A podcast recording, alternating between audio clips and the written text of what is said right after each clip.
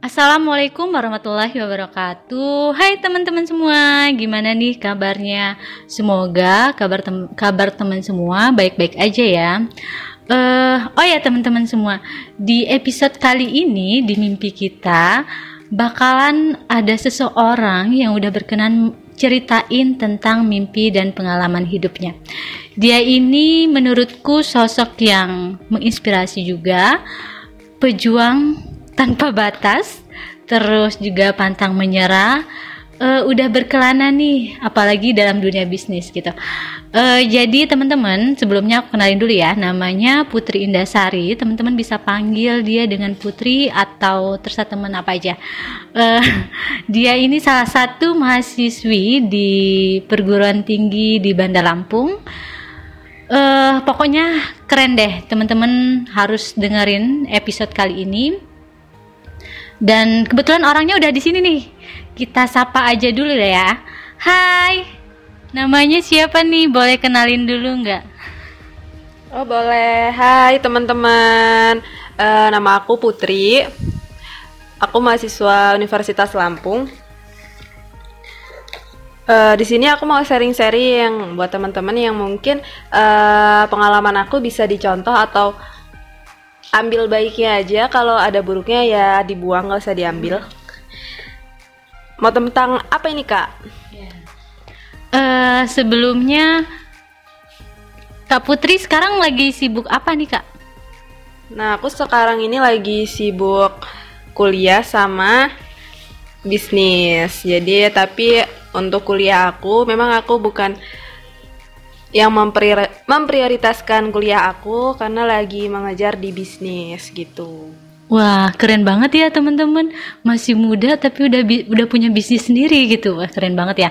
Uh, jadi Kak Putri kalau boleh tahu nih, tolong sih ceritain uh, tentang mimpi Kakak gitu yang mungkin salah satu mimpi Kakak yang udah terwujud gitu sama kayak cerita pengalaman selama ngeraih mimpinya gitu.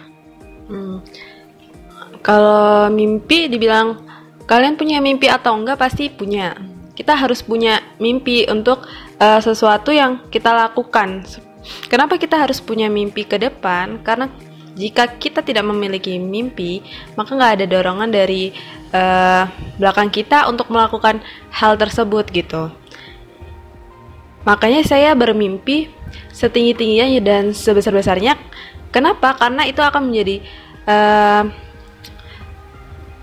menjadi dorongan saya untuk melakukan hal itu dengan effort yang lebih dua kali lipat dari biasanya. Ketika kalian tidak memiliki sebuah cita-cita ataupun mimpi, kalian akan melakukannya dengan cuma gitu. Dengan biasa aja, ya jalanin aja gitu. Tapi beda ketika kalian itu punya di tahun ini saya harus dapatkan ini gitu. Saya ada target apa yang saya ingin capai Kenapa saya ingin dapatkan itu? Itu harus ada apa dan kenapa kalian harus dapatkan itu itu harus ada karena itu akan menjadikan dorongan kalian dan memberikan effort di dua kali lipat uh, dibanding kita nggak punya mimpi. Hmm. Nah, aku mau cerita sih my dream my dream di 2020 aku tuh sebenarnya banyak. Tapi ada yang ada yang memang tercapai dan nggak ada ada juga yang nggak tercapai gitu. But ya itu emang udah ada plus minusnya ditambah dengan kita ada di masa pandemik. Itu emang ada yang tertunda. Itu kita nggak bisa uh, menolak itu. Walaupun kita menolak ya itu tetap akan terjadi. Jadi kita uh, lebih ikhlas dan semoga itu akan ada hal lain yang kita dapatkan dari apa yang kita nggak dapat atau tertunda itu tadi. Gitu. Salah satunya yang tertunda itu aku pengen wisuda di 2020 tapi enggak. Belum. Capai. belum dan sepertinya untuk target itu akan saya simpan di tahun depan. Terus aku punya usaha. Alhamdulillahnya itu tercapai di 2020 bahkan sebelum akhir tahun. Memiliki reseller uh, terus bisa bangun brand sendiri dan aku tuh nargetin setiap in the years itu gue tuh trip ke luar daerah. Jadi emang itu aku jadikan sebagai reward untuk diri aku sendiri bahwa ini pencapaian saya di tahun ini saya pergi ke sini itu kayak jadi reward untuk diri sendiri untuk menyemangati diri sendiri gitu. Uh, tadi nih kak ngomongin soal yang tadi mimpi kakak yang salah satunya tadi uh, tentang bisnis, aku penasaran nih kak, kira-kira kalau dari Kak Putri itu kalau bisa sharing sama kita gimana sih cara kakak pertama-tama memulai bisnis kakak itu hingga akhirnya bisa terwujud gitu? Kalau kita ngomongin bisnis nggak ada sesuatu yang instan. Pasti kita uh, mulai itu dari nol dan itu emang bener-bener aku itu modal dari diri sendiri. Nggak ada minta dari orang tua. Jadi bener-bener yang uh, nyari dari nol dikembangkan. Dari untung yang 1000 2000 ya dikumpulin. Ya sampai akhirnya uh, aku bisa menciptakan sesuatu hal yang punya aku sendiri brand aku sendiri gitu. Awalnya aku mulai dengan sesuatu yang nggak bermodal. Jadi ngambil barang ke orang dulu. Bahkan itu kadang nggak habis gitu ada yang aku makan sendiri. Terus kadang nggak kejual habis. Jadi pertama kali aku tuh jualan itu ada bakso bakar. Itu aku ngambil dari teman karena ditawarin juga. Ya akhirnya aku cuma ngambil dan jualin. Ketika laku ya dikasih ke dia. Jadi benar-benar nggak ada modal sama sekali. Cuman modal ya jualin aja tahan malu gitu. Nah kalau kalian mau jadi pembisnis itu yang pertama. Nggak punya malu. Kalau pak kalau kalian itu malu mending nggak usah jualan. Mending nggak usah jadi pembisnis. Karena kalau kalian malu ya akan selamanya kalian tidak akan berkembang gitu. Ya stuck di situ aja. Karena percaya diri itu nomor satu sih penting untuk di bisnis. Terus habis kita aku tadi mulai dari yang jualan bakso bakar dan itu aku melihat pasar itu nggak cocok nih sama pasar aku. Karena orangnya sedikit dan kurang worth it lah. Nah aku coba ganti. Jadi ketika uh, kita menjalani suatu bisnis dan itu kita rasa itu kurang cocok dengan pasar kita, kita kita kalau saya mencoba uh, sesuatu yang baru lagi. Jadi aku sempat uh, beberapa kali nyoba-nyoba banyak jualan. Jadi dari bakso bakar, terus jualan kaos kaki, jualan jilbab, baju muslim gitu. Terus apalagi ya ciput rajut kayak gitu jadi semuanya aku coba sampai akhirnya aku punya produk sendiri pertama kali itu ada keripik pangsit. Itu produk aku sendiri yang benar-benar aku branding sendiri. Nah itu salahnya langsung produksi banyak. Karena kalau nggak produksi banyak itu bakalan banyak pengeluarannya. Jadi harus produksi banyak buat menekan pengeluaran produksinya biar tetap murah gitu nah di situ ketabrak sama awal corona. Jadilah itu nggak habis barangnya. Dan itu sulit untuk didistribusikan karena kita lockdown waktu itu. Nah di situ berhenti.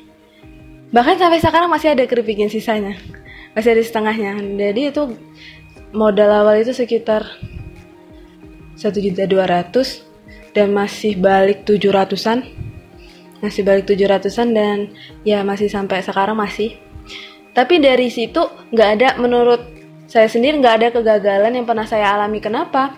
Karena setiap yang saya pernah lakukan itu sebenarnya saya sedang belajar gitu. Learning by doing jadi belajar dari melakukan. Dari kegagalan-kegagalan itu itulah saya belajar. Hingga sampai saat ini saya tahu nggak melakukan kegagalan yang sama gitu. Jadi dari situ loncat lagi ke jualan baru. Nah ini brand aku juga sendiri. Sekarang lagi jualan dimsum buat kalian yang mau beli itu bisa tanya ya. Atau DM di IG aku. Hey gitu. Jadi sekarang masih di dimsum dan alhamdulillah per bulannya tuh udah lumayan sih untuk yang cuman jualan online ya kita nggak ada ruko nggak cuman modal di rumah doang. Cuman modal kulkas dan beberapa alat gitu. Itu juga bukan alat-alat yang mahal. Biasa aja yang penting-penting aja. Ya paling yang mesinnya kulkas sih yang paling itu penting. Itu aja. Dan omsetnya itu alhamdulillah yang paling tinggi kemarin sempat sampai 9 juta per bulan. Itu itu yang saya ternyata saya bisa sampai sini. Ternyata nggak ada yang nggak mungkin ketika lo bermimpi dan melakukan uh, ketika kalian bermimpi dan melakukan usaha untuk mendapatkannya tuh nggak ada yang nggak mungkin. Gitu. Nggak ada yang nggak mungkin ketika kalian bermimpi tapi kalian nggak melakukan apa-apa baru itu yang dinamakan mimpi siang bolong ya. Jadi kalau uh, kalian bermimpi ya maka berikanlah effort-effort untuk mewujudkan mimpi kalian. Itu hmm gila sih keren banget ya teman-teman. Udah omsetnya hampir hampir 9 juta ya kak ya? Yeah. uh, tapi inget banget sih apa yang dibilang kak Putri tadi pertama waktu dia masih kuliah terus dia ngejualin beberapa jualannya gitu. Jadi ngelihat banget gitu perjuangan Kak Putri. Gimana dia pokoknya ya tahan malu ya kayak ya, tahan malu. Terus iya, juga malu, juga pantang menyerah juga gitu. Eh uh, sebenarnya kita usaha itu nggak pakai modal juga bisa ya kayak ya, asal kita mau ngejalaninya mau berusaha. dan yang pasti tadi progresnya ya kak pokoknya apa pun mimpi kita harus ada actionnya gitu buat yeah. mewujudinnya. Uh, ngomong-ngomong tentang dimsum tadi nih kak. Sekarang kan lagi pandemi kayak gini nih. Jadi gimana nih kak Putri buat survive di bisnis kakak gitu dengan situasi sekarang? Ini masa pandemi kini ya? Untuk awal awal kemarin malah naik Kenapa saya bi bilang naik? Karena frozen food. Saya bikin frozen food di mana orang-orang itu nggak suka keluar. Jadi di, lebih sering di rumah. Jadi mereka lebih uh, senang untuk stok makanan di rumah aja gitu. Jadi lebih jadi omset itu naik pas saat itu pas orang-orang lagi di rumah aja. Tapi sekarang ketika di new normal ini, nah itu omset uh, lumayan turun karena mereka sudah kebanyakan pergi keluar. Kalau udah pergi keluar kan otomatis mereka pengeluarannya itu udah di luar dan mereka agak sedikit di stop untuk makanan yang di rumah. Dan sini ada jadi PR juga untuk kita uh, gimana caranya untuk tetap naikin omset, hmm. untuk ya ini di sini kita belajar gimana caranya memahami uh, pasar kita, apa yang dibutuhin di pasar kita, gimana caranya uh, naikin omset terus, mempertahankan omset. Itu sih untuk ngembangin usaha. Jadi di new normal ini di sini untungnya masih ada reseller-reseller aku gitu. Jadi aku emang udah nggak uh, kerja sendiri, nggak jualan sendiri. Jadi ketika aku pergi itu mereka juga tetap jualan. Jadi nggak tetap nggak hanya aku yang jualan pada reseller jadi udah setidaknya memberikan pekerjaan baru kepada uh, mahasiswa dan orang-orang yang berkeinginan berjualan dan nggak punya modal gitu. Saya berikan kesempatan untuk mereka, saya stok dulu nggak apa-apa, asalkan saya udah kenal dengan mereka, gimana personalitinya, saya nggak apa-apa untuk memberikan uh, produk dulu dan setor terakhiran nggak apa-apa asal benar-benar komitmen gitu. Oh gitu ya kak. Berarti kalau kita mau survive berarti kita juga harus peka ya kak ya dengan situasi dan kondisi yang sekarang. Juga jadi pembisnis itu nggak semata-mata tentang uang gitu ya kak ya. Kita juga harus ya ngebantu teman-teman gitu. Ya nggak ya kak? Ya itu juga salah satu tujuan kenapa sih saya ingin berbisnis karena saya juga ingin memberikan uh, efek yang sama yang sama yang kayak aku rasain dulu gitu. Ketika aku nggak punya uang gimana sih caranya aku bisa punya uang? Terus aku nyari uh, nyari orang yang mau ngasih barangnya untuk dijualin gitu. Dan itu yang nggak pakai modal nah nah aku pengen jadi orang yang seperti itu untuk untuk menolong mereka juga. Karena saya dulu juga pernah ditolong dengan orang lain gitu Tuh teman-teman keren banget kan Kak Putri ya. Jadi kalau teman-teman mau sharing boleh ya kak ya langsung hubungin kakak gitu. Mau tanya-tanya tentang bisnis dan sebagainya. Uh, soal bisnis tadi kak. Uh, kalau misalnya ada teman-teman nih yang mau mulai bisnis gitu, yang mau mulai bisnis tapi bingung gimana caranya uh, bisa kasih tips dan trik nggak kak sama teman-teman gitu? Gimana biar buat memulai bisnis gitu? Hmm.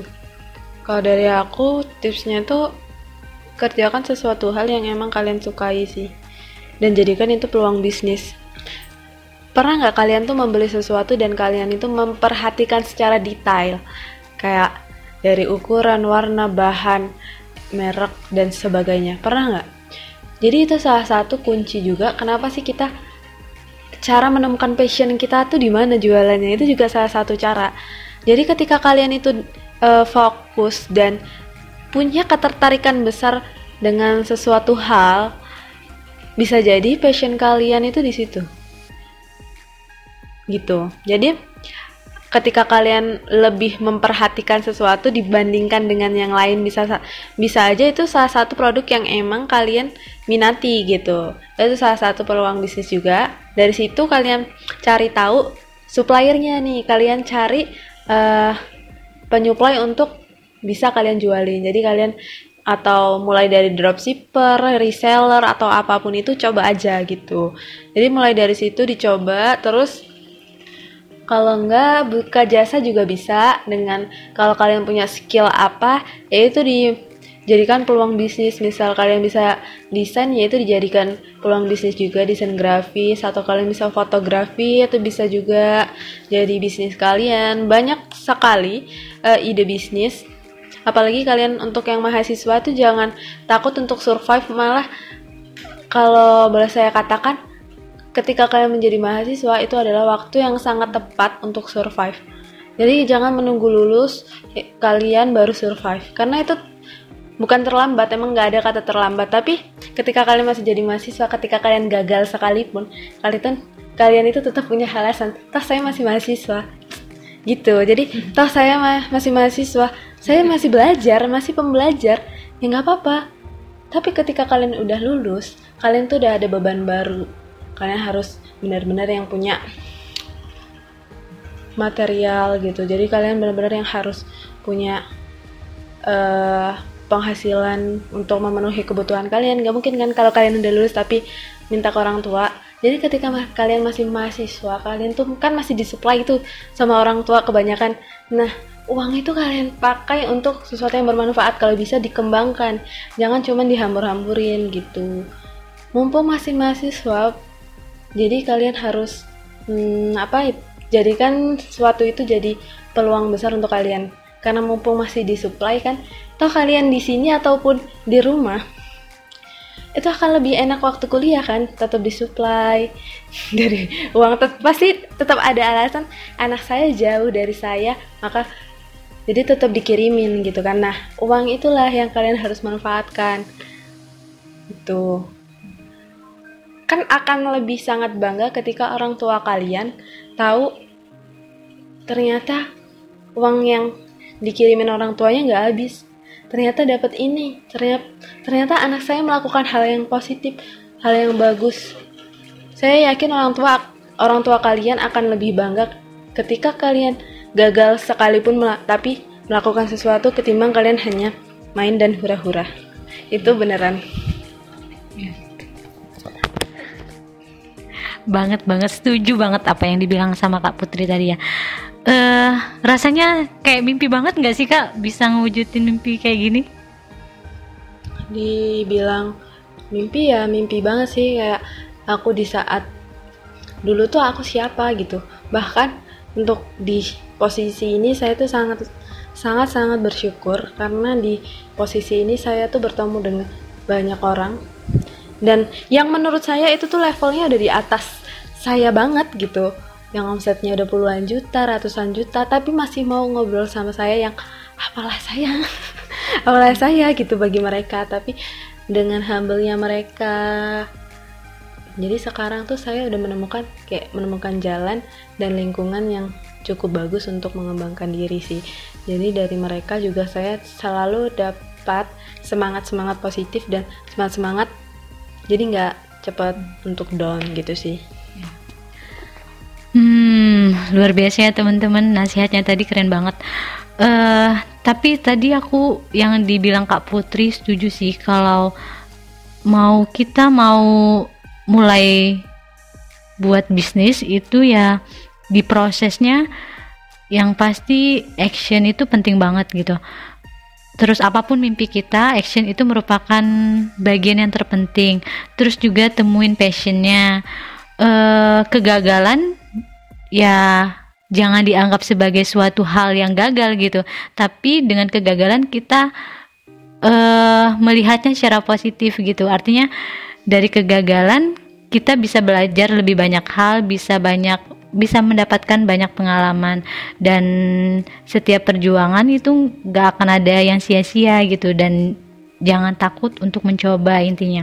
Uh, sebelumnya Kak Putri terima kasih banyak ya Kak ya udah udah berkenan buat ceritain mungkin salah satu mimpinya padahal masih banyak lagi mungkin mimpinya yang udah terwujud gitu.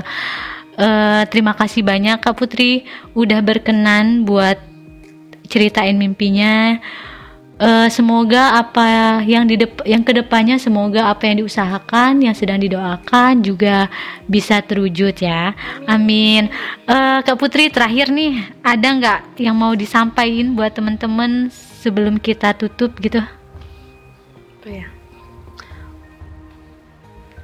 Jangan takut untuk bermimpi karena se seperti apa pun individu kalian seperti kelas apa pun kalian, maupun rendah, atas, tengah, itu kalian berhak untuk bermimpi. Jangan takut untuk bermimpi karena mimpi adalah dorongan untuk kita bisa melakukan sesuatu hal dengan dua kali lebih besar dari biasanya. Jadi, bermimpilah sebesar-besarnya karena itu hak kalian untuk bermimpi. Jangan takut untuk jatuh kalau pun jatuh kalian akan tetap berada di bintang-bintang. Masya Allah, keren banget sih Kak Putri. Uh, yang bisa aku tangkep dari apa yang dibilang Kak Putri tadi, aku setuju banget kalau mimpi itu adalah hak kita. Karena mimpi adalah hak kita, maka bermimpilah setinggi mungkin, bermimpilah sebesar mungkin. Karena dengan bermimpi, kita akan merasa lebih semangat, lebih termotivasi untuk meraihnya.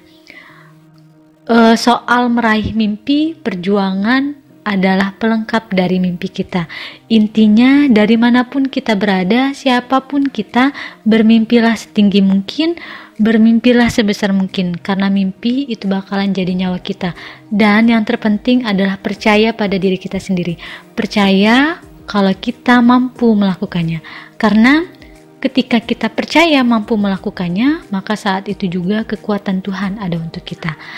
Uh, sekali lagi terima kasih banyak kepada Kak Putri. Terima kasih banyak Kak yang udah berkenan untuk menceritakan salah satu mimpinya yang udah terwujud yang luar biasa menurutku banyak hal yang bisa kita pelajari, yang bisa kita ambil dari sini. Terima kasih banyak Kak. Sekali lagi, semoga apa yang Kakak cita-citakan, apa yang Kakak harapkan ke depannya dipermudah jalannya dan semoga uh, dilancarkan segala urusannya dan untuk teman-teman semua juga apa pun yang sedang kita usahakan semoga dipermudah jalannya. Dan teman-teman, sekali lagi terima kasih banyak yang sudah berkenan untuk mendengarkan podcast ini di episode kali ini. Sekali lagi terima kasih banyak teman-teman dan oh ya teman-teman Jangan lupa untuk selalu tetap jaga kesehatan, selalu patuhi protokol kesehatan di mana pun teman-teman berada. Sekali lagi, saya uh, pribadi mohon maaf jikalau di episode kali ini ada beberapa keliru, kekurangan uh, dan lain sebagainya. Saya mohon maaf jika ada yang positif bisa diambil silahkan, tapi kalau uh, ada hal yang kurang tepat, uh, tolong disimpan dan tidak perlu diambil. Sekali lagi, terima kasih banyak kepada teman-teman semua. Uh, jangan lupa untuk dengerin podcast ini di episode selanjutnya karena masih banyak lagi cerita inspiratif yang uh, di sharing di sini yang bisa yang bisa kita dengarkan, yang bisa kita banyak hal yang bisa kita pelajari dari sini. Jangan lupa untuk tetap dengerin ya podcast ini. Akhir kata, saya akhiri. Wassalamualaikum warahmatullahi wabarakatuh.